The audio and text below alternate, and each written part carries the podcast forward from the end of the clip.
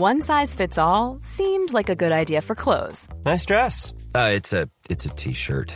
until you tried it on. Same goes for your healthcare. That's why United Healthcare offers a variety of flexible, budget friendly coverage for medical, vision, dental, and more. So, whether you're between jobs, coming off a parent's plan, or even missed open enrollment, you can find the plan that fits you best. Find out more about United Healthcare coverage at uh1.com. That's uh1.com. Hold up. What was that? Boring. No flavor. That was as bad as those leftovers you ate all week. Kiki Palmer here, and it's time to say hello to something fresh and guilt-free. Hello Fresh. Jazz up dinner with pecan-crusted chicken or garlic butter shrimp scampi. Now that's music to my mouth. Hello Fresh. Let's get this dinner party started. Discover all the delicious possibilities at hellofresh.com. Many of us have those stubborn pounds that seem impossible to lose, no matter how good we eat or how hard we work out. My solution is PlushCare. PlushCare is a leading telehealth provider with doctors who are there for you day and night to partner with you in your weight loss journey. They can prescribe FDA-approved weight loss medications like Wagovi and Zepbound for those who qualify. Plus, they accept most insurance plans. To get started, visit plushcare.com slash weight loss. That's plushcare.com slash weight loss.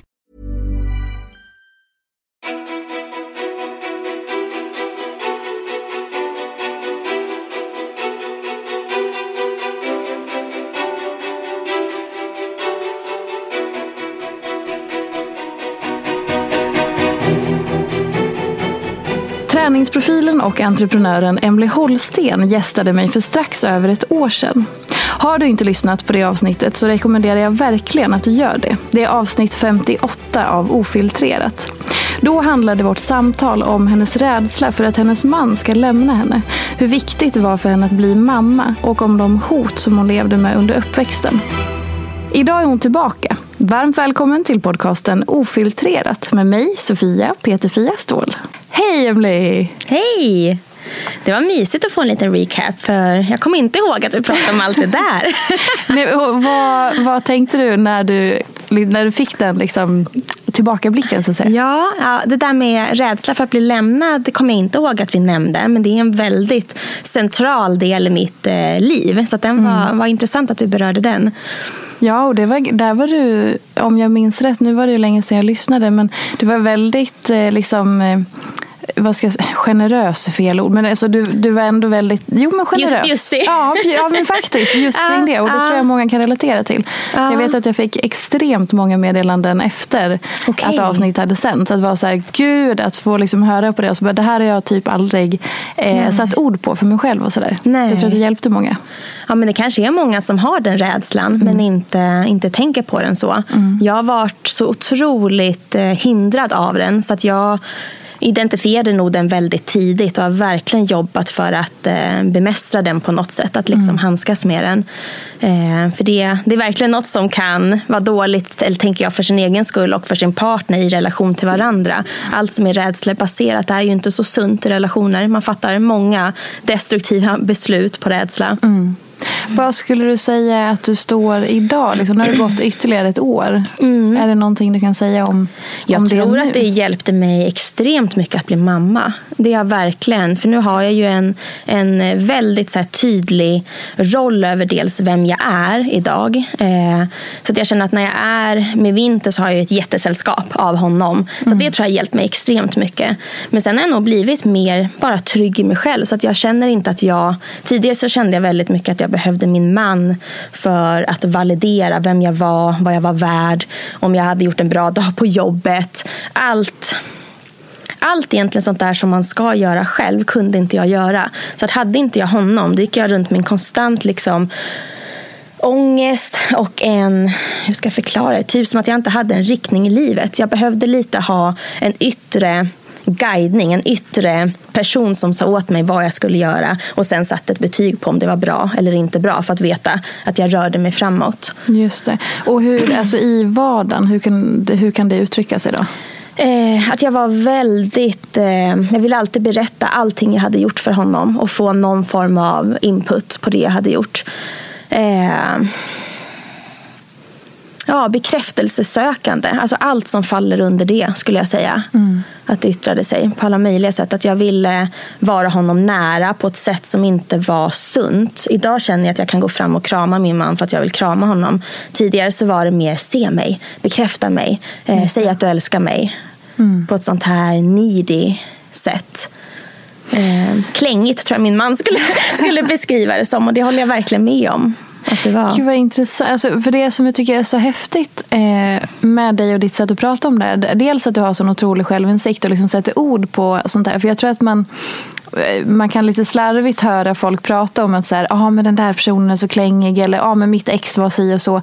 Men att det blir aldrig en djupare analys i Nej. vad det kanske grundar sig i eller vad mm. man kan göra åt det. Eller om man själv har sådana beteenden så kanske man inte riktigt går hela vägen ner i källan och bara så här, vänta nu, var mm. kommer det här ifrån? Vad kan jag göra åt det? När blir det så här? Hur kan jag hjälpa mig själv? Utan mm. att man mer typ sparkar på sig själv som så här, jag, i relationer, jag är hopplös för jag blir så klängig och så är det punkt. Eller, Exakt Exakt. Ja. Känner du igen vad jag menar? Nej, men jag förstår verkligen vad du menar. Och jag tror att jag har alltid varit en väldigt tänkare och det är både positivt och negativt. Jag kan ju sitta och grubbla över saker också. Att jag verkligen kan grotta ner mig och fastna i för att jag vill komma till botten med allt. Mm. Så. Eh, men, men jag ska ändå säga att det har hjälpt mig extremt mycket att ta reda på. För när jag vet varifrån saker kommer så känner jag att jag har lättare att ha en förståelse gentemot mig själv. Och det blir mycket lättare att förstå andra. För jag tror att när, för jag har ju verkligen så kommit underfund med till exempel att det här kommer från en rädsla rent generellt att bli övergiven och så har jag kunnat koppla den till varifrån det kommer i min uppväxt. Och med den förståelsen så blir det någonting annat än att jag bara är kritisk som jag också absolut kan fastna i. Att jag bara du vet, fokuserar på någonting som jag inte gillar hos mig själv och så blir jag kritisk och så föds någon form av självhat kring de egenskaperna. Och där blir man fast där, då är man inte bara dum mot sig själv. Jag tror man blir ganska dömande som människa mot andra också. För att, kan du inte se var det kommer ifrån då tittar man bara på egenskapen och liksom dömer ut det. Men har man mm. förståelse varifrån det kommer, då tror jag att du kan få den här empatin och inte tycka synd om personen, men du kan få en förståelse och en acceptans eh, och få redskap att jobba med det.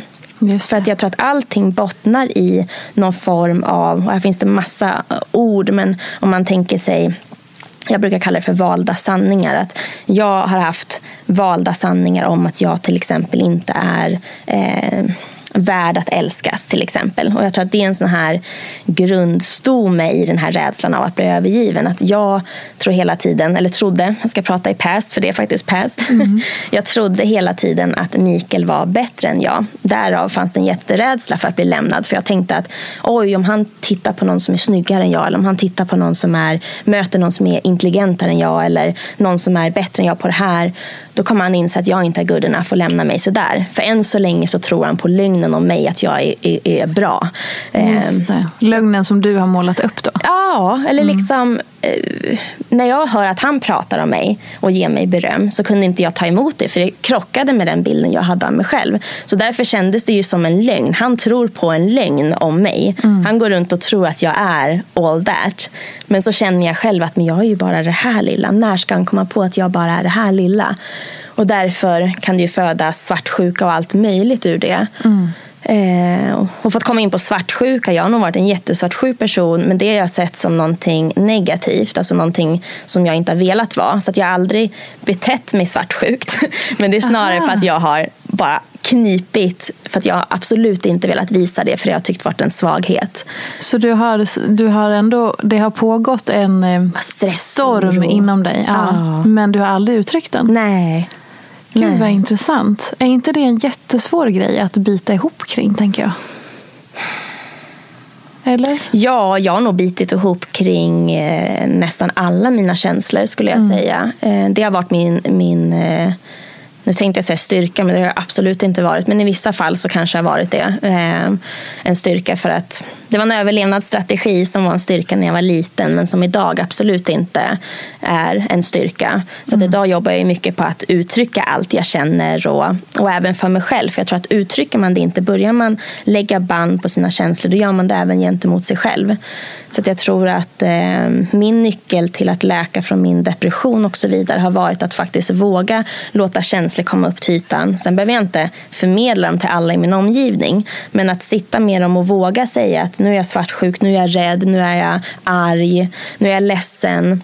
Mm. Eh, och att sitta med dem i ensamhet och försöka hitta varifrån kommer de här. Och då försöka hitta de här valda sanningarna återigen. För oftast går, går att grotta ner sig till någon form av bottenpunkt där man känner att ja, det här kommer faktiskt från den här valda sanningen jag har om mig själv eller om världen. Eh, och sen då vill jag ha kvar den.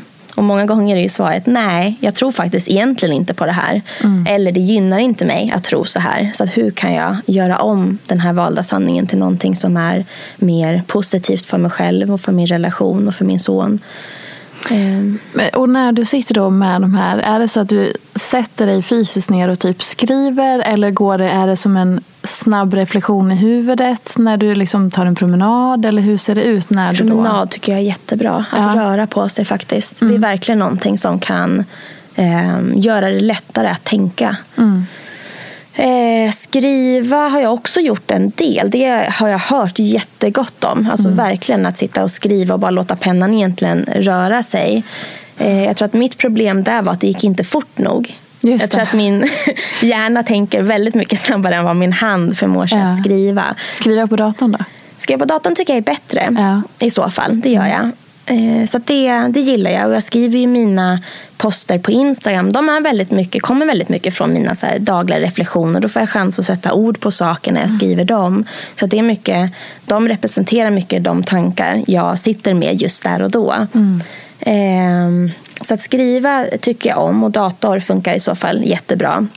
Men annars mest skulle jag nog säga att det är jag det är aldrig att jag sätter mig ner och tänker nu ska jag fundera på det här. Utan det är snarare att jag överväldigas av en introvert stund mm. som kommer lite när som när jag står och pysslar med disken eller står i badrummet och duschar ut och går. Det där, jag har börjat beskriva det där för, eh, för så här, eh, jag känner igen mig väldigt mycket i det här att kunna stänga av och bita ihop. Och precis mm. som du beskriver, att så här, ibland så kan det vara någonting kanske man kanske kan hitta någonting positivt med det i vissa stunder.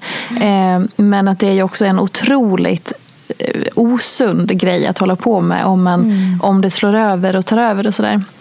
Eh, och sista tiden har jag börjat så här, för det du beskriver nu med att eh, eh ha den här liksom reflektionsstunden. Jag har börjat tänka att det är min inre dialog som mm. behöver vara levande. Exakt. För att när man stänger av så blir det typ tyst i huvudet. Mm. Eh, för att då biter man ihop och så stänger man av och så bara bort, nej, så ska jag inte tänka, så, mm. och så blir det nästan tyst. Mm. Eller det blir bara ett brus av vet, så ytligheter eller massa annat. Mm. Eh, så jag brukar också beskriva det som att just den här, jag måste ha den här inre dialogen levande. Mm. Och det är lite det du kanske beskriver Jättefint också. Jättefint beskrivet tycker jag, verkligen. Verkligen. Men det är också intressant tycker jag med, när man pratar om känslor som mm. folk generellt är ganska rädda för. Mm. Eh, för då kan man ju få så här, ja, men man ska inte hålla på och känna efter så mycket. Mm. Och då tänker jag att det är skillnad i att känna efter. För då är det mm. som att man letar efter någonting. Mm. Men jag tror att det de, de flesta menar är att man behöver känna in. Mm. Det är ju en skillnad där. Mm. Känna in, då är det mer att man bara tar in så här, ja ah, så här är det. Mm. Men känner man efter, då är det kanske som att man så här, ska hålla på och hitta något specifikt eller gräva mm. fram någonting. Mm. Nej, jag förstår vad du menar. Och där liksom letar man efter någonting så kan du ju alltid hitta känslor som försvarar både mm. det ena och det andra. Mm. Jag tänker att eh, det är väldigt viktigt för att vissa Eh, vissa upplever jag kan bli lite för mycket så i två läger. Om man tänker att man har ena sidan där det är intellektet och så har man andra sidan där det är känslor. Mm. Och då, jag gillar väldigt sällan svart och vitt tänk rent generellt. Utan jag är alltid så här, det måste finnas en balans. Det är mm. väldigt sällan en ytterlighet av något är bra. Utan det är en, en balans mellan två ytterligheter som, som borde vara målet inom allt. Mm. Eh, och i det här fallet så tänker jag att känslor Känslor och tankar, alltså känslor och intellekt, de två sitter jättemycket ihop. För hjärnan fungerar på så sätt att när vi tänker på någonting så kommer vi att få en känslorespons. Och den känsloresponsen i sin tur gör att vi tänker på allting som hjärnan förknippar, för det är så hjärnan funkar med, med associationer. Allting vi förknippar med den känslan.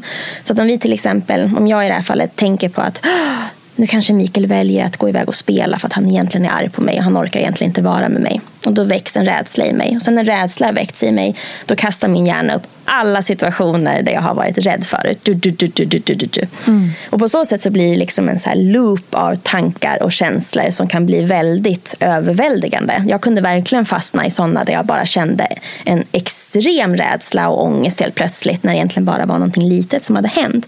För helt plötsligt så tänkte jag på tio scenarier där jag var rädd och kände ångest. Och där tror jag många känner igen sig i att man kan springa ner i såna här rabbit holes. Mm. Eh, så därför tror jag det är viktigt att komma ihåg att känslor väldigt sällan representerar en sanning. Utan att just identifiera då, vad sitter den här känslan ihop med för någonting. För att i mitt fall då så sitter ju, satt den här rädslan för att bli lämnad då ihop med att jag inte var värd att älskas. Till exempel, den satt ihop med fler saker också, men om vi håller oss till den.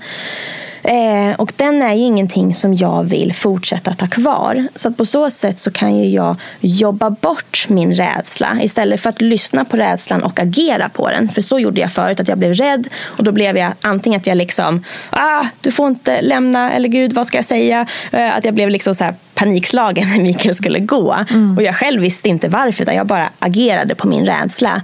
Och så blev det alltid en liten dispyt mellan oss och så stannade han hemma för att han kände inte att han kunde gå när det var liksom, eh, eh ja, men en obekväm situation. Och jag blev inte nöjd över att han stannade för att jag kände bara att han stannade out of pity. Yeah. så det blev bara så jättedumt på alla håll och kanter. Eh, och där då skulle någon kunna säga, ja men titta vad som hände nu när du kände efter. Bättre att stänga av. Nej, det är inte bättre att stänga av för då finns det där, den där problematiken alltid kvar. Jag kan inte stänga av min rädsla. Då kommer det i så fall bli ångest. Jag får ångest varje gång Mikael ska gå om jag försöker få bort min rädsla. Det jag måste göra är att ta reda på varför är jag rädd?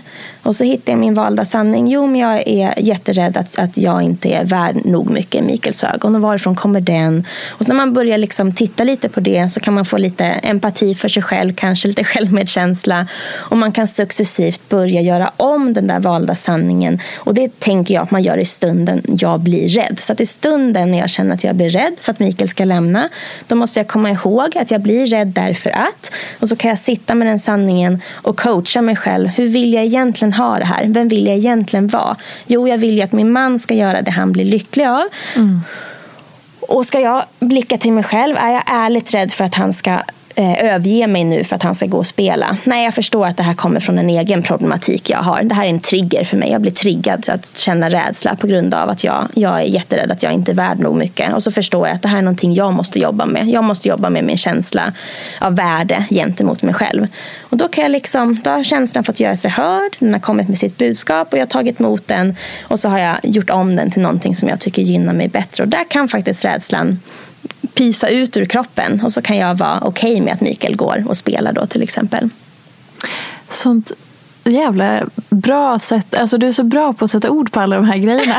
ja men vad gullig du är, tack. Ja men och det är också så, för att eh, jag kan tänka mig att, för man pratar ju mycket om så personlig utveckling och att jobba med sig själv och så. Eh, och så fattar man säkert att ja, terapi är ett sätt att mm. jobba med sig själv. Och liksom, precis som när man går till en personlig tränare eller någonting. Att man säger, okej okay, men jag går till dig för att få hjälp. Och så får man hjälp under den stunden man är där. Men sen så är det ju ett jättearbete som behöver ske Exakt. mellan tillfällena. Mm. Eh, och det du beskriver, att coacha sig själv. Och likadant det här fina ordet du sa självmedkänsla. Mm. Eh, för just alltså lite grann hela tiden hålla sig själv i handen. Att Ja, alltså jobba med sig själv men också ta hand om sig själv i mm. det där. För jag mm. tänker att man kanske Ja, det blir nog lätt att det blir så att nu går jag bara i terapi och sen är det bra. Mm. Eh, eller att man bara stänger av för att man kanske inte riktigt förstår. Den processen du precis mm. beskrev, mm. den gör det ju kanske tydligare att säga just det, det är ett exempel på hur jag kan ge mig själv lite empati och jobba igenom mina mm. saker. Men det kanske är luddigt annars. Ja, men det kan ju vara jätteluddigt. Så det är skitbra att du sätter ord på det så. Och jag vet under min depression, det som var så här, det som var signifikant för hur det kändes i min kropp just då var bara att jag har inte kontroll. Det var så jag kände. För när jag blev rädd, eller som jag, jag förstod inte ens att jag blev rädd. För jag kunde inte sätta ord på vad det var jag kände. För jag hade så länge bara stängt av alla känslor. Mm. Så, att, så att det var nog mest ångest jag kände.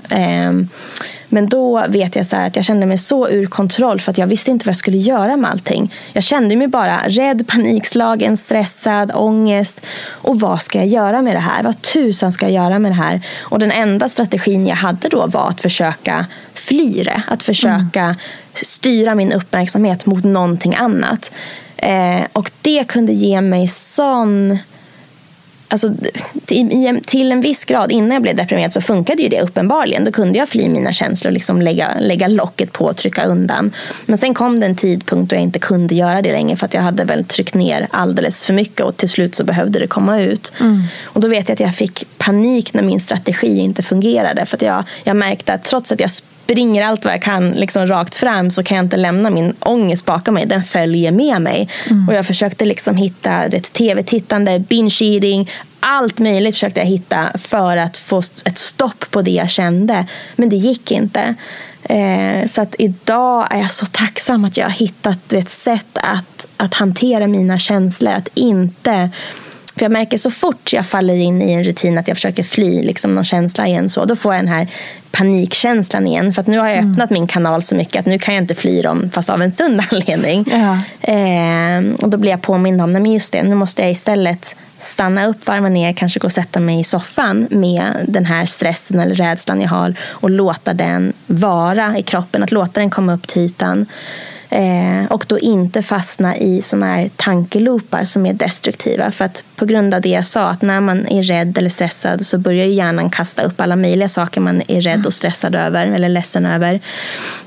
Eh, och då inte sitta och älta dem. Så det är det jag försöker ta kontroll över. Att jag liksom försöker hitta en mindfulness där jag betraktar tankarna i min hjärna men att jag inte tar dem för sanningar och går in och tänker jättemycket på dem och tror på dem. Eh, det är svårt kanske att beskriva skillnaden mellan att låta dem vara i huvudet versus att, att tro på dem. Men det finns faktiskt en, en känsla av att betrakta sina tankar istället för att vara sina tankar. Just det, lite det, utifrån. Ja, precis. Att man, för hjärnan fungerar ju utan din participation på något sätt. Ja. Den kastar ju upp tankar av sig själv. Mm. Och vi är ju mer än våra tankar. Vi har ju faktiskt en förmåga att distansiera sig från tankarna och lite låta hjärnan kasta upp dem i vårt huvud. Mm. Eh, Något som eh, brukar hjälpa mig eh, ganska mycket är att här, se till, för när, jag kan också gå in i sådär eh, som du kallar för tankeloopar. Mm. Eh, och dels så brukar jag tänka att så här, eh, mina tankar och känslor är som du sa, det är ingen sanning. Mm. Utan det är liksom uttryck för olika saker. Men sen brukar jag också gå tillbaka till att titta så här, vad är fakta i den här situationen? Mm. Vad, vad är det jag vet? Alltså så här, vad är typ bevisat eller man säger. Vad finns det för fakta i det här? Okej, men eh, faktan är att den här personen sa det här. Mm. Den sa inte det här som jag började tänka att, eller känna. eller så. Nej. Okej, faktan var att den sa så. Då är det det jag kan förhålla mig till. Och sen så får de här svallvågorna av massa annat. Mm det är okej, okay, men faktan är här och då kan jag vila lite i faktan. Mm. Att så här, det andra eh, som jag känner och tänker att Åh, men då kanske scenariot blir så här och så. Det är ju bara påhittat av mm. mina tankar och känslor. Mm. Men faktan, den går vi tillbaka till och då är det här och då är det den jag förhåller mig till. Mm. Eh, eller att det åtminstone liksom lugnar ner lite grann. Eh, för man kan också hitta på väldigt mycket i sitt eget huvud om man bara så helt ohämmat bara går in i allting. Det kan ju bli helt okontrollerbart. Mm. Nej men det är livsfarligt att göra ja. det. Och det har ju med vår hjärna, återigen, eller mänskligheten får man väl säga, att ja. göra. Att man försöker skapa mening i saker. Så att ger, vi oss, ger någon oss en spik så försöker vi bokstavligen koka soppa på den direkt. Mm. Eh, och där fyller vi i, och det är det som blir då lite, lite jobbigt om man kommer ifrån en bakgrund eh, eller en uppväxt där man haft det ganska tufft. För att man skapar, en del av vår intelligens är ju just att kunna generalisera. Det är mm. det som gör människan väldigt framgångsrik. Att vi är duktiga på att förstå att jaha, det här är också en bord. Det här är också ett bord och, och stolar. Man kan äta här också, precis som hemma hos mig. Så man förstår liksom koncept och så vidare. Mm. Eh, och där vi skapar de här bilderna världen när vi är små. Och det kan till exempel då röra sig om, kan man lita på människor? Ja eller nej. Så, då skapar man en ram kring det. Eh, och en sån enkel ramsättning får man, skapar man ett nej på den frågan. Att nej, man kan inte lita på människor. Människor är alltid ute efter att ta någonting ifrån dig. De vill gynna sig själva hela tiden. Mm. Då kommer ju vi, när vi får en spik från den här människan, då kommer vi tänka, jaha, den här personen vill skada oss. Medan en annan människa kanske tänker, jaha, de vet om att jag bygger ett hus och vill hjälpa mig. så det är ju så ah, olika då beroende på hur man tolkar den där sanningen som du säger som man fick. Mm. Och så fyller man i the blanks själv. Och det gör du då baserat på hur du skap, vilka bilder du skapade kring människor, verkligheten, dig själv, dina vänner och allting som ung. Mm. Och det är just de här som är valda sanningar eh, som vi måste försöka identifiera hos oss själva. För de är valda. Mm. Eh, även om de som barn har man inte så mycket val, men som vuxen så har man faktiskt ett val att inte fortsätta att tro på de här sanningarna som man skapade. Och därför är det så viktigt att försöka hitta dem och skapa dem till någonting som, man, som gynnar oss. Hur tar du med dig det här i ditt föräldraskap? För jag tänker mig att det är du pratade ju lite grann om din uppväxt förra gången du var här mm. eh, i det här andra avsnittet. Eh, och man förstår ju av det du berättar att du har haft det liksom tufft och att det varit många prövningar och så. Mm. Och nu har du själv ett barn eh, och han blir ju snart, han är ju redan tre år. Mm, för det tre år igår. ja, och visst är det så att väldigt mycket av hur liksom våra värderingar så, det sätts ju nu väldigt, oh, väldigt tidigt oh. och så. De första liksom, sju åren brukar man säga ja. är väldigt viktiga för ett barn. Och hur tar du med dig liksom, dina erfarenheter men också ditt intresse för människan och hur vi funkar, liksom allt det här liksom, till vinter? Jag tänker att det absolut främsta vi kan göra i vårt föräldraskap är faktiskt att eh, ta hand om oss själva. Mm. Och det kanske låter jätteegoistiskt men Eh, det är nämligen så här att relationen vi har till oss själva, den är verkligen inte bara till oss själva. Utan vi var inne lite på, eller jag var inne lite tidigare på det här att man lätt dömer andra människor om man, om man kanske inte har förståelse för sig själv. Eh, är du kritisk mot dig själv så är det inte så, eh, eller det är väldigt vanligt att du blir kritisk mot andra människor. Och speciellt när det kommer till sina barn. Barnen är oftast en förlängning av sig själv. Eh, så att den relationen du har mot dig själv kommer till väldigt stor grad yttra sig i relationen du har mot ditt eh, barn. Mm. Så jag tror den bästa gåvan vi kan ge till våra barn är att eh, ta hand om oss själva och bli mer förstående och kärleksfulla mot oss själva. Mm. På vilket sätt gör du det? Eh, ja, eh, till väldigt stor del så är det att ta kontroll över min inre dialog. Skulle jag verkligen säga. Mm. Att eh, för jag tidigare har varit en person som har tänkt att kritik är sättet man får saker att hända på. Eh, att jag har eh, trott liksom att jag kan få mig själv att åstadkomma saker genom att kritisera mig hårdare och hårdare och hårdare. Och på så sätt få energi till att få saker eh, i rullning. Och det är klart att man kanske kan få en träning till exempel gjord genom att titta sig själv i spegeln och stå och svära över hur ful och hemsk man ser ut. Då kan, man komma iväg säkert en gång. Men mm. det finns ingen hållbarhet i det. Det finns ingen, för den dialogen är jättedränerande. Så att vill man ha en långsiktig förändring gentemot sig själv själv och sen även i relationen med, med sina barn så handlar det om att bemöta på ett kärleksfullt sätt. Och ehm, just med, med relationen till barn så finns det jättemycket att säga. Jag tror att jag tror att det absolut viktigaste för mig som jag tänker på det är att jag inte vill vara en allvetande, hierarkiskt högt uppsatt person i Vinters liv. Utan jag vill vara på samma mark som honom. Jag vill vara nyfiken med honom. Eh, när han uttrycker känslor, väldigt starka känslor, så noterar jag alltid vad som händer inom mig. För jag vet att det är lätt att när han blir arg så är det lätt att man själv på grund av sin oförmåga att hantera sin egen ilska blir dömande eller blir arg själv eller och så vidare. Utan verkligen försöka låta han få vara sina känslor utan att göra allting om mig och tro att nu är han arg för att jag har gjort något fel.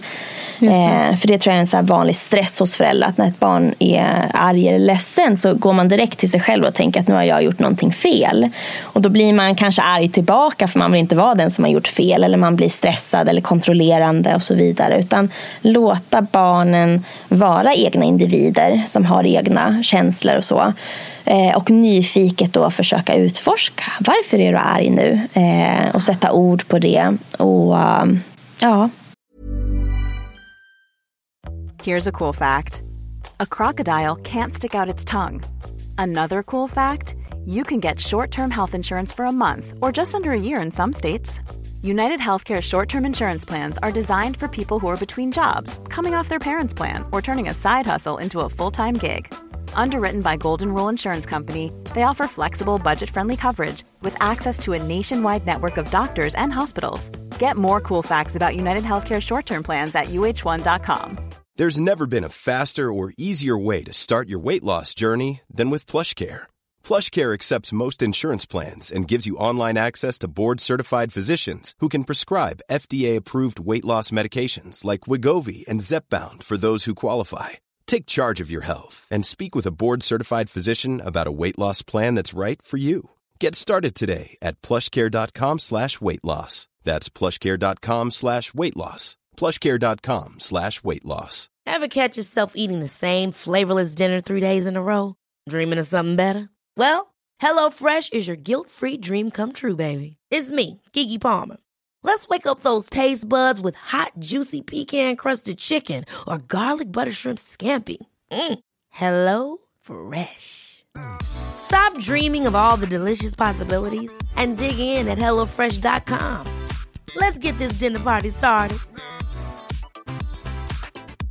This is Paige, the co-host of Giggly Squad, and I want to tell you about a company that I've been loving, Olive and June. Olive and June gives you everything that you need for a salon quality manicure in one box. And if you break it down, it really comes out to $2 a manicure, which is absolutely insane. It's also so easy to get salon worthy nails at home with Olive and June. The difference between how your nails used to look when you did them yourself and now with the Manny system is a complete game changer. The best thing about Olive and June too is it's a quick dry. Dries in about one minute, lasts for five days, and full coverage in up to one to two coats. Visit oliveandjune.com slash perfectmani20 for 20% off your first system. That's oliveandjune.com slash perfectmani20 for 20% off your first system.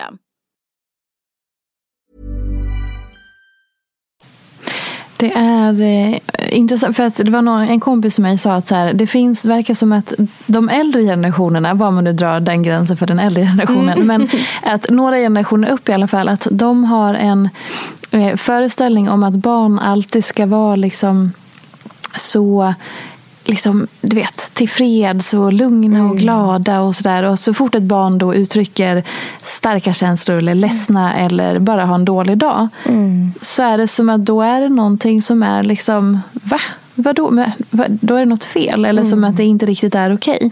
Och jag kan uppleva ibland att vuxenvärlden, alltså utan, eh, som grupp, eh, kan ha lite svårt att se att ett barn är ju en människa som har bra dagar, dåliga dagar. Alltså man, man går väldigt lätt till att säga ja det är dålig uppfostran. Exakt. Det är dålig uppfostran, herregud. Men, men det kanske bara var en dålig, de är också människor Ja, fast de ja, är ja. unga. Exakt. Ehm, ja, det var bara en liten reflektion på, på det. Nej, men jag håller helt med dig. Och Jesper Juhl säger någonting väldigt... Han är en eh, barn... ja, den danska. Ja, exakt. Ja, ja. Han säger någonting väldigt, eh, som jag tycker är väldigt talande för det här. Och han pratar mycket om eh, rollspelande. Och han säger att de äldre generationerna var... Allt handlade om att barnen skulle lära sig att säga tack för maten. De skulle sitta liksom på ett visst sätt vid matbordet. Eh, och de skulle ja, men säga saker vid rätt tidpunkt helt enkelt. Och bete sig på ett visst sätt. Och fick man barnen till att göra det, oberoende av hur man fick dem att göra det, då hade man lyckats som föräldrar. Just det. Och det handlar ju då om egentligen att man lär barnen att vara en roll. Man lär dem repliker, man lär dem när de ska säga de här replikerna. Och, och desto mer enhetligt man kan få sina barn att bete sig enligt den här en rollen då som ska passa alla barn som föds, desto bättre har man lyckats som förälder. Åh herregud vad sjukt det är när du säger det sådär. Yes, och där är ju likadant med vuxna också. Att, Ja. att har man blivit uppfostrad i en sån eh, familj, då sp- rollspelar ju vi också. Så att Det är därför det väldigt ofta inte finns någon genuin kontakt mellan föräldrar till exempel i en relation. För alla går bara runt och är sin roll. Och uh, därifrån kommer det här utifrån styrda också. Att det är ingen som har bekräftat dig för de känslorna och de tankarna och de drömmarna som du har. Utan du fick en tumme upp, en guldstjärna när du betedde dig enligt den här rollen så bra som möjligt. Mm. Och då tappar man ju som barn helt kontakt med sig själv. För att är, du, har du har absolut en kontakt med dig själv som barn när du är liten. Men om du inte får bekräftelse för den, då kommer den dö ut. För du märker, att det är ingen som, som bryr sig om vad jag känner, tänker, drömmer om ändå. Så det är bättre att jag bara går in i den här rollen, för då får jag uppskattning. Mm. För det är det absolut viktigaste för ett barn. För ett barn är programmerat att antingen göra som föräldrarna vill eller riskera att bli övergiven. Och då dör ett barn, för ett barn klarar inte sig själv. Mm. Så att ett barn vill ju vara sina föräldrar tillfreds. Eh, och där, där eh, börjar den där utifrån styrningen där vi tappar kontakten med våra känslor. Sen blir vi vuxna människor som är tonåringar och helt plötsligt ska styra vårt egna liv. Och vi är vana att bara titta till någon annan och få tumme upp. Är det här bra eller dåligt? Ska jag vara så här? Eh, och inte vana att hitta den här drivkraften och, och allting inom oss. Det är... Gud vad sorgligt. Det är jättesorgligt. Och det är Eh, jo, just när man också börjar öppna. För jag tänker också, gud, nu tänker jag så mycket saker så jag måste Tänk. sortera här.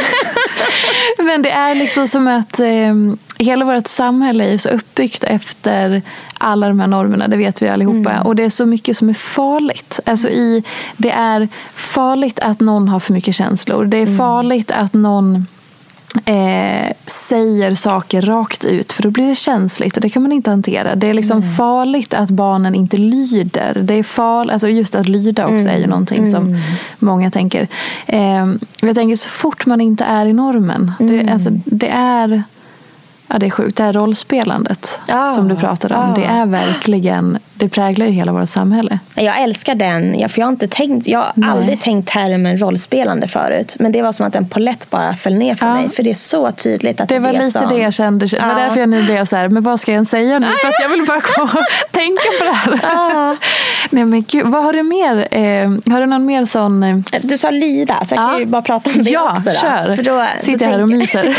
då tänker jag på en annan som heter eh, Lars H Gustafsson. Han är en barnläkare och han har skrivit en bok som heter växa, inte lyda. Mm. Och det är också en så här, jag tycker bara hela titeln är helt fantastisk. För då talar han så mycket om det här hur viktigt det har varit att barn ska lyda. Eh, och lyda är ju egentligen då att barnen helt bortprioriterar sig själva och lyssnar på en, en högre uppsatt person. Det blir en hierarki direkt att barnen ska lyssna på, på sin mm. förälder då, i det här fallet. Och när barnen gör det, eh, för att tänker man då när barnen är upp tills de blir tonåringar, då kan det se väldigt oproblematiskt ut. För barnen kan se, de, de barnen får oftast väldigt eh, liksom, om samhället skulle bedöma så skulle de tycka att det här är tio poängare. Liksom. Mm. För de, de uppför sig bra, de, de gör det de ska, de sitter still på sin stol och äter och allting så här. Men sen när de kommer in i tonåren, då vill man ju ha ett barn som inte lider. Eh, om man tänker, man vill inte ha en dotter som när det kommer fram en främmande man och säger följ med mig in i den här gränden här, som säger då okej. Okay. Mm. men det är de barnen vi uppfostrar, för vi uppfostrar ja. barn som lider. Vi uppfostrar inte barn som tänker själva. Nej, som eh, vågar vara obekväm också, eller vågar ha integritet. Ja, exakt. Och det är den man tar bort. Mm. Lyda, vill du ha någon som lyder till 100 procent, då är det ta bort integriteten hos barnen som, mm. som eh, det betyder helt enkelt. Så han menar ju på att vi ska få barnen att växa istället. För barn som bevarar sin integritet, det kommer inte bli egoistiska personer. För jag tror det är där man har någon form av missuppfattning. Att låter man barnen få säga nej och få bevara sitt nej, att man respekterar barnets nej, då kommer det bli en ego, ett egoistiskt barn. Ett barn som bara tänker på sig själv.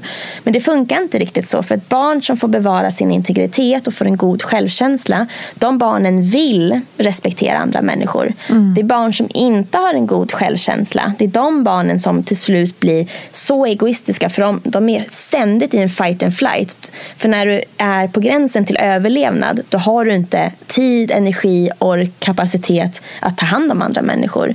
Utan tänk själv när man har god energi. Den dagen är man ju så givmild för man känner mm. att man har så mycket på kontot som man kan bjuda andra på. Ja. Men när du är skadad, ligger och förblöder blöder på en väg till exempel. Då är det sista stunden som du skulle ha ork. Eh... Eller bara när man har typ PMS och ägglossning ja, som jag känner idag. Jag är verkligen så här, idag är bara, det här är inte min dag. Men och bara det gör ju att man känner sig, alltså man har inte det där lilla extra liksom. Nej. Men vad intressant för att jag hade gjort en anteckning, förutom att jag hade skrivit eh, ditt intro, mm. eh, så hade jag gjort en anteckning. Det bara survival mode, överlevnad, mm. vers, alltså överleva versus leva. Mm. För det hade du gjort en jättevettig och fin eh, Instagram-post om ganska nyligen. Kan inte du mm. berätta lite om det? Ja, survival mode är väl det jag har befunnit mig i hela mitt liv. Och jag tror att det är väldigt många med mig som befinner sig där. Mm. Utan att veta eh, Utan att veta, mm. definitivt. Mm. Och det är någonting som händer när vi får vår integritet och till exempel kliven på hela tiden. Och när vi gör självsvek mot oss själva också. För det är ju någonting som blir egentligen konsekvensen av att vi är utifrån styrda. Att vi inte kan fatta val utifrån det vi själva vill. Eh, och det jag tycker är så intressant, för allt det här bottnar egentligen i gränssättning. Och jag har under ja, men, hela mitt liv fram till kanske för två år sedan, för det var då tror jag fick en så här riktig epiphany kring gränssättning, så har jag känt eh, resentment. Jag tycker resentment är ett sånt bra ord på engelska. Jag vet inte riktigt vad förbittring heter på svenska. Jag tycker inte det riktigt säger lika mycket. Mm. Men, men mot min man eh, i allra högsta grad, för det blir oftast de personerna vi lever intimt med.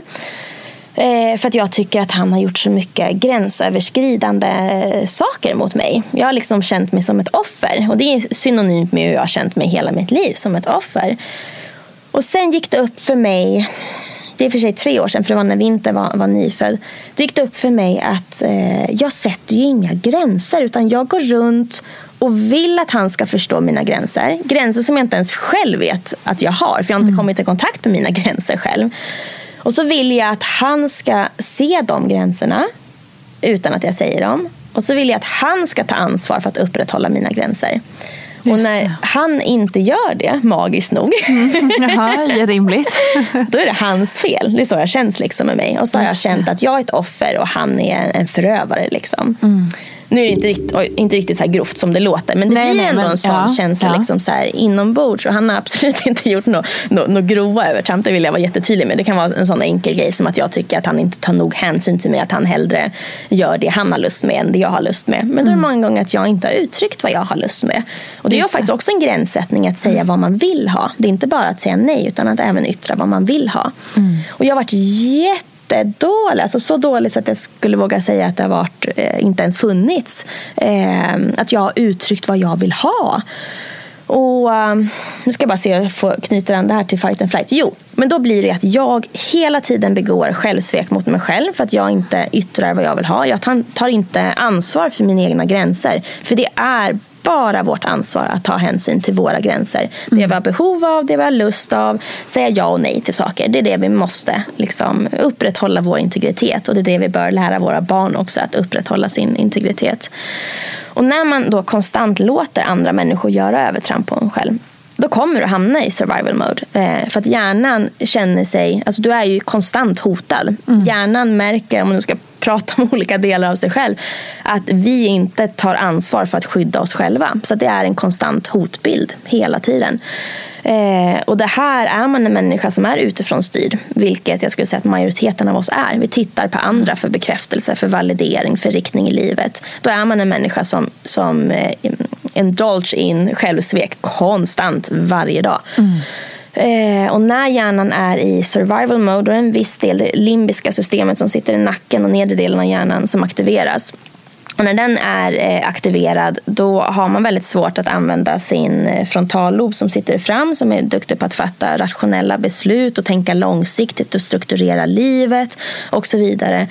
Och vår emotionella hjärna, vår, vår högra hjärna blir oftast hijacked av de här rädslor och stress och ångest och kan liksom inte, integrationen mellan höger och vänster hjärnhalva fungerar inte som den ska. Mm. Och det blir då oftast att man glömmer saker, man exploderar snabbt på känslor eh, eller så blir man helt avstängd på känslor istället.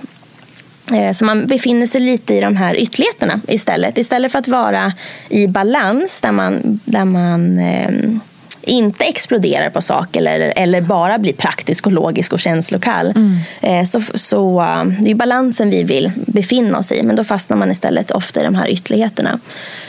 Eh, och det är inget sunt tillstånd att vara i. Det är svårt när man är i det läget att ta hand om sig själv också. För man är väldigt kortsiktig. Den funktionen i hjärnan ska egentligen bara fungera som en kortsiktig lösning. För det är ju, om det springer fram en björn när man är i skogen så ska vår instinktiva hjärna ta hand om oss. Den är ju inte menad att vara aktiv hela tiden. Just det. Ehm, och hur kan man, liksom, förutom det här med att man kan explodera i känslor, om man, beskri- om man, så här, man fastnar i din beskrivning och bara, åh herregud, nu känner jag att hon pratar om mig här. Vad kan man göra? Eh, ja, jag tycker att meditation faktiskt är en jättebra lösning. Alltså verkligen. Eh, ja, för mig brukar det faktiskt räcka många gånger att så här, sätta mig ner i soffan och bara ta väldigt djupa andetag. För det handlar om en väldigt... Eh, det handlar om att lugna nervsystemet. Det är det vi vill göra. För vårt nervsystem är i det här tillståndet där det är väldigt stressat. Så det är centrala nervsystemet som är i full fire. För den tror verkligen att det är en björn som håller på att anfalla Ja. oss just nu. Den, den vet ingen skillnad eh, mot den typen av hot och den typen av hot som vi utsätter oss för varje, varje dag. Eh, Så att, att sätta sig ner och försöka få det här lugnet i kroppen. Och där är andningsövningar faktiskt super. Om man inte har tid att sätta sig, eller känner att man har tid att sätta sig att meditera. Och det kan ju vara kanske ett litet större steg, för man vet kanske inte riktigt vart man ska börja någonstans. Då tycker jag andningsövningar är jättebra. Och då sätta sig ner på, på vilket sätt som du vill, eller lägga dig ner. Och sen andas in genom näsan på 6-7 sekunder. Sen brukar jag hålla där inne i någon sekund. Och sen andas ut genom munnen eh, lika långsamt. Och sen göra det 7-10 gånger. Och då tycker jag att jag får en, eh, en märkbar effekt i kroppen. Att pulsen går ner, att svettningarna lite försvinner. Eh, att det blir ett lugn i kroppen. Jag tänker på eh, ett blogginlägg som jag skrev för ett tag sedan. Eh, där jag uttryckte lite på samma tema men mer lite så vardagligt. För då skrev jag att eh, jag hade fått en kommentar från en tjej som hennes budskap var så här Är det här allt? Finns det inte mer? Att hon var, hon sa, jag har allt, alltså inom citationstecken, jag har allt. Men jag känner ingen glädje. Jag känner ingen lycka. Jag, bara, jag minns inte ens senast jag skrattade med magen. Att jag liksom bara, De här små lyckostunderna, det här lilla ruset man kan få. Eller den här genuina känslan av att man är glad. Hon bara, det var så länge sedan. Och jag har familj och ett fint hem. Och jag liksom har mitt drömjobb. Och så, men det där lilla extra och bara känna sig genuint glad. Och skratta. Hon bara, det har jag inte gjort på år. Nej. Och sen så la jag upp det som ett inlägg. Och det var så många i kommentarsfältet som kände igen sig. Och det tänker jag också är så här, apropå så här, okej, överleva. Det låter ju väldigt, väldigt allvarligt. Ehm, och så tänker man att någon är typ skadad. Så det är så. Men att överleva i sitt liv kan ju vara lite grann att bara så här, är jag genuint glad här nu? Känner jag att jag trivs? Har jag ett Alltså är jag tillfreds ibland eller känner jag att det bara är massa annat? Jag tänker att man kan liksom ta de där begreppen och göra dem lite mer vardagliga också. Eh, för att stämma av lite hur man har egentligen. Eller så. Tr- tror du att människor är så här skratta ifrån magen glada? Nej, jag tror inte det tyvärr. Jag tror att Nej. det är precis som du säger. Jag förstår verkligen att du fick igenkänning på det inlägget. Ja. Och det är där jag har känt också att jag har varit. Fast ännu djupare. Men sen har jag haft en period där jag befunnit mig i det läget också. Att det inte har funnits någon nå genuin lycka i livet. Och sen såklart, man är inte lycklig hela tiden. Det är inte det vi säger. Nej, absolut inte. Eh, men sen tänker jag också att det finns en, apropå normer i vårt samhälle, Mm. så finns det så mycket så här, ja men vadå, det där var, det där var ta- ungdomsåren. Då var man glad, det var med kompisar, men nu är jag vuxen. Det är som att vuxen delen av livet ska vara så allvarlig och så tyngd och så seriös och så ordentlig. Kan du känna igen det? Eh, Jag förstår verkligen vad du menar. Sen eh, ska väl jag vara den första att säga att jag har jobbat hemifrån sen jag gick ut gymnasiet. Så jag tror att jag träffar för lite människor på daglig basis för att så här, själv ha fått en uppfattning kring hur, jätteskönt. hur, det är, hur det är ute i världen. Det är ju en befrielse skulle jag säga. kanske. Jag kanske lyckligt ovetande. Ja. Men så här då, om du skulle, vilja, om du skulle kunna ge en sak till människor eh, för att man skulle få ett bättre välmående. Om Mm. du kunde bara ge dem på ett magiskt sätt, bara så här, här varsågoda, här får ni det här av mig. Mm. Vad hade du gett dem då? Ja, det är både lätt och svårt skulle jag säga. För jag tror att det hör, eh, jag tror att det handlar om gränssättning. Jag tror att vi är extremt dåliga på att sätta de gränser vi behöver för oss själva. Och för att vi ska kunna sätta de gränser vi behöver för oss själva så behöver vi komma i kontakt med oss själva. Och där handlar det om, för jag tänker så här, att inte kunna känna den här lyckan som du säger, genuina lyckan. När vi börjar att fly våra känslor, eh, att ha det som en, en strategi för att handskas med sånt som är jobbigt, så lägger vi ju tyvärr locket på för alla känslor. Det går inte bara att sortera magiskt nog bort det som är eh, jobbigt, utan vi skapar en strategi där vi helt enkelt eh, disconnectar den emotionella hjärnan. Det blir vårt sätt att, att hantera verkligheten. Eh, så att vi måste ju försöka då, för att lära känna oss själva. För jag har, det var någonting som jag mediterade på här för några veckor sedan. Där jag, nu ska vi se vad min intention med meditationen var. Det var hur, hur lär jag känna mitt sanna jag och hur lär jag mig att ta hand om mig själv. Och då fick jag en sån här jättetydlig eh, bara, jag vet inte, kontakt med mig själv antar jag. Där eh, jag sa till mig själv att, det låter så himla rörigt där men det blir Nej, jag ja. förde en dialog med mig själv. Ja, ja, ja. Där det blev jättetydligt att det handlar om, alltså jag, när jag pratar om jag och mitt sanna jag.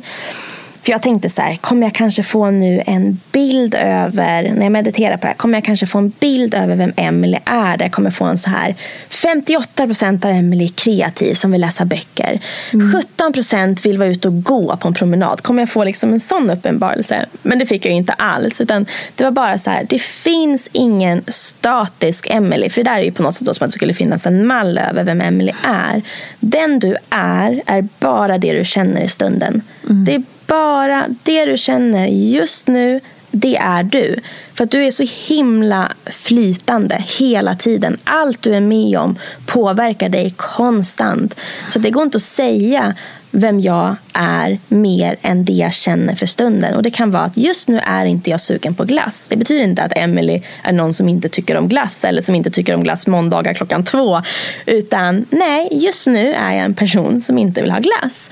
Eh, och jag tror att vi kan vara några som söker människor rent generellt söker så konkreta svar på saker och ting. Vi vill veta vem vi är och så vill vi ha ett svart och vitt definitivt svar. Och jag tror att sådana saker är väldigt svårt att hitta. Eh, för det är så circumstantial. Det beror, beror på vart vi är i livet just nu. Och det tydligaste svaret vi kan få på alla sådana frågor är bara att känna efter. Hur känns det när jag tänker på den här frågan? Vad får jag för ja och nej-signaler i kroppen? Vad känner jag när jag tänker på det här?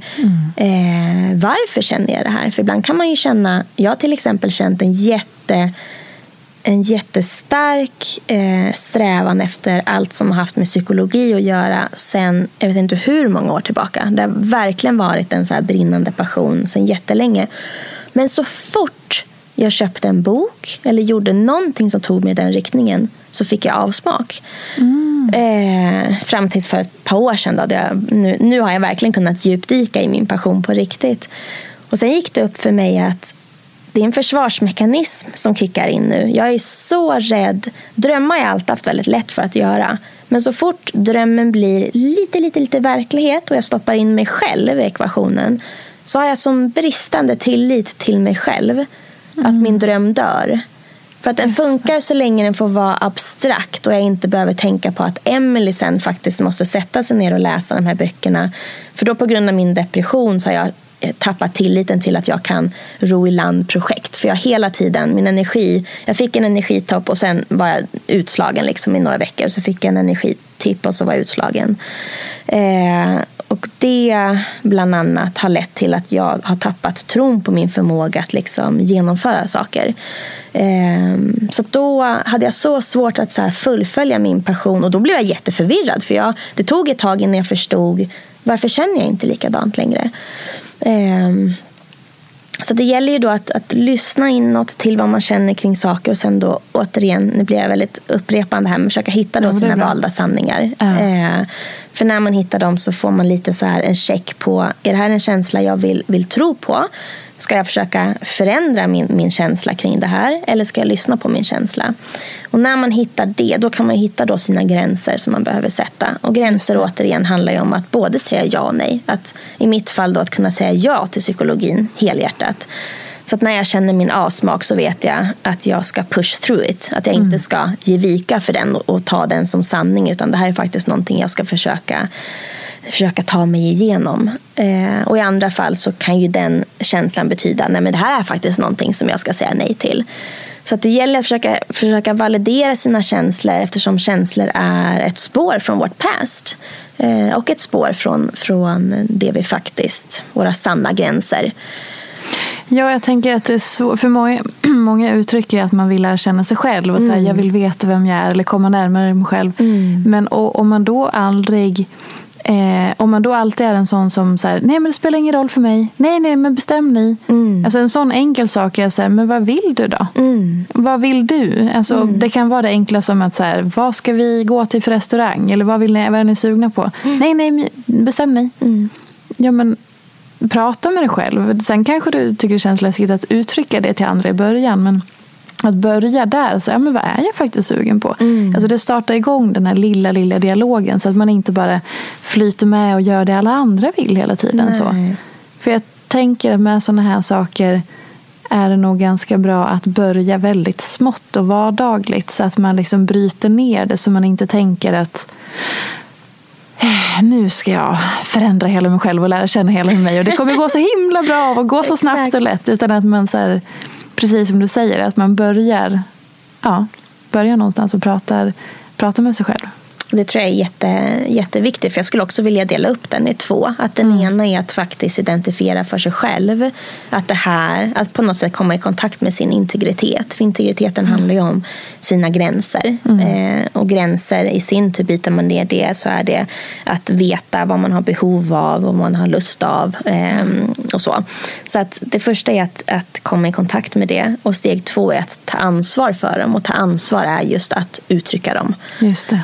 Eh, och det är ju jätte, alltså uttrycker vi dem inte då fortsätter vi att vara det där offret.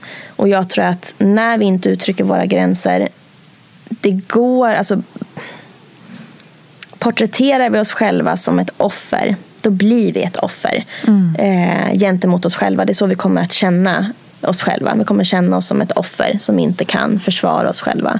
Och så fort vi känner oss som ett offer så tror jag att vi tappar tilliten till oss själva. För att att ha tillit är att känna sig trygg i sig själv. Mm. Att känna att jag tar hand om mig själv. Och när vi inte tar hand om oss själva så eh, förbrukar vi tilliten. Det är precis som en, egentligen en, en relation mellan två personer. Att om det är någon som inte tar hand om oss mm. så försvinner tilliten till den personen.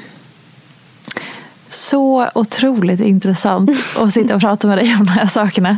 Men, och, för jag vet att jag ställde frågan i förra avsnittet. Eh, för det här är ju din dröm. Och du uttryckte en dröm då i alla fall. Mm. Eh, om att bli psykolog någon dag. Eller att börja jobba mer med det här. Mm. Vad har du för status på det nu? Ja, nu har jag kommit en bit på den ja. vägen. Vad, har du, vad är statusen? Jag har, dels har jag utbildat mig till familjehandledare. Oh, eh, så det var jättespännande. Ja. Och jag har inte börjat jobba inom det ännu. Och jag vet inte om jag kommer att jobba just som... Eh, det får jag se. Det, mm. där känner jag att jag har inte riktigt någon så dröm som säger varken bu eller bä om det just nu. Eh, jag känner att jag har en resa kvar att göra med mig själv först. För jag känner att det är det som kommer lägga grunden för allt. Jag vill verkligen ha bearbetat mig själv så att jag inte projicerar mitt eget bagage på någon annan. Mm. Åh, vad viktigt. Jätteviktigt. Åh, herregud, vänta nu. Alltså, peace out och bara så här, tänk om man fler hade den inställningen. Ja. Ja. Alltså i allt. Och Ja. gud. Ja, fortsätt. Allt börjar ju med oss själva. Det Ja. är ju verkligen så. Det är inte egoistiskt att ta hand om sig själv. Man gör men alla det är ett en tjänst. ansvar. Det är ett ansvar att ta hand om sig ja. själv. Ehm, så att, så att den, den resan, och den kommer ju aldrig bli klar. Men jag känner att jag fortfarande har saker att göra där. Så Mm. den, den vill jag eh, fördjupa mig i. Och sen eh, vill jag läsa fler böcker. För jag Ja. är just nu så besatt av böcker. Jag läser jättemycket böcker och tycker det är helt fantastiskt. Men eh, tipsar du regelbundet om böckerna jag är på... dålig på att göra det. Jag skulle säga, Ja. jag följer ju ganska noga men jag har inte uppfattat så många boktips. Så Nej. please give us to Ja, it. det ska jag verkligen göra. Jag ska verkligen göra det. Ja. Eh, ska göra en highlight. Bra, Ja. tack. Mm. Så jag sätter den på min to-do. Men drömmer du fortfarande, eller jag vet inte om du gjorde det tidigare, men är det liksom att du skulle vilja ha jobba som psykolog, ta emot klienter på heltid? Liksom? Är det en del av din dröm? eller hur vill du, vill du föreläsa? Ehm, Kanske del, ja, precis. Kanske att jag vill ta emot klienter på deltid. Jag är Mm. väldigt... Just nu i alla fall så är jag en person som gillar att ha många olika saker. Jag kan än inte se mig själv som någon som hänger mig 100% till en sak.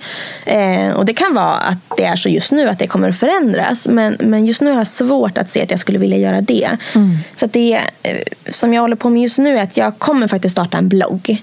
Ja. Just för jag, jag har upptäckt att jag älskar att skriva. Jag tycker det är ett fantastiskt, mer än att prata. För prata så känner jag alltid så, åh nu fick jag inte det här sagt och liksom, jag fick inte formulera mig precis som jag ville. Men att skriva, då kan jag sitta och skriva och så vill jag göra det riktigt proffsigt så att jag kanske skriver en dag och så går jag tillbaka till och med och läser en gång till. För det gör inte jag i dagsläget när jag skriver. Nu skriver jag bara Ja. och så då skickar jag iväg den och så blir jag alltid så åh, där skrev jag fel och där uttryckte jag mig inte korrekt och så. Så nu vill jag verkligen så göra det här proffsigt. Att skriva ett inlägg och sen låta det vila till dagen efter och sen eh, fylla ut liksom och ändra om och så. Eh, och göra en riktigt så här, för jag vet inte om det finns en blogg som är om det här ämnet. Och det här ämnet är ju så stort nu så det blir liksom personlig utveckling slash föräldraskap. Eh, men jag har inte riktigt sett någon blogg som skriver mycket om det. Nej, jag vet inte. På, inte på rak arm vet jag inte. Nej, så, så det, det är jag sugen på. Vad kommer du ha för adress? Den kommer ligga faktiskt under eh, mitt varumärke Restless Mama. Så att mina, och det är väl också så här, just nu är det ju gravid och amningsträningskläder. Men jag vill nog bredda det mer så att det blir ett mammamärke. För jag är väldigt Mm. så här, föräldraskapskär just nu. Såklart, för jag befinner mig Åh, där du borde själv. prata med Må bra. Ja. För de gör ju en jättesatsning på just mamma, mammadelen. En helt Ja, ny satsning. okej. Vad Okej, det här ska vi ta vidare sen. Ja, det får vi göra. Jättespännande. Ja. Ja, då vill jag, vill jag lägga det lite så under samma tak. Så jag vill skapa ett community för föräldrar helt enkelt. Där det är lätt att komma in och ta del eh, av eh, den här typen av blogginlägg och, och lite andra saker. Så att jag får se när det är. Jag kommer berätta mer om det sen. Men det kommer vara under Restless Mamas eh, flagg i alla fall. Spännande. Mm. Okej, om vi ska avrunda det här samtalet nu. Eh, om man ska ta med sig en sak härifrån, vad Mm. skulle du säga att det är? Eller vad skulle du liksom puffa för? Mm. Ja, då är det våga känn. Våga, eh, våga vad ska jag kalla det för då? Eh, ifrågasätta dina känslor. Då menar jag inte på ett kritiskt sätt utan våga utforska varifrån känslorna kommer. Och våga sätta gränser. Och ta hand om dig själv. Du är inte egoistisk när du gör det. Exakt. Lär långt ifrån. Ja. Åh, vad fint. Det är eh, alltid fantastiskt att prata med dig. Eh, detsamma. och jag är helt övertygad om att de som har lyssnat har fått med sig massor av nya insikter och kanske frågetecken som de vill så veta mer om och bara, men gud, jag vill lära mig mer, jag vill förstå mer och så. Tack så jättemycket för att du kom hit och följ Emily Holsten på Instagram, Restless Mamma, träningskläder för gravida. Och mammor. Och snart en blogg också. Är det någonting mer du vill att vi ska tänk- ta med oss in i din värld? Nej, det låter jättebra. Perfekt. Ja. Okej, men puss och kram. Vi och kram. hörs nästa vecka. Tack för att du kom. Tack, tack. Hej då! Följ mig gärna i sociala medier. Jag heter Peterfia på Instagram och bloggar på peterfia.se. Vill du komma i kontakt med mig så gör du det på info.peterfia.se. Jag vill rikta ett stort tack till Acast för studie och stöttning och ett stort, stort tack till geniet Elin Sjödén som klipper den här podcasten.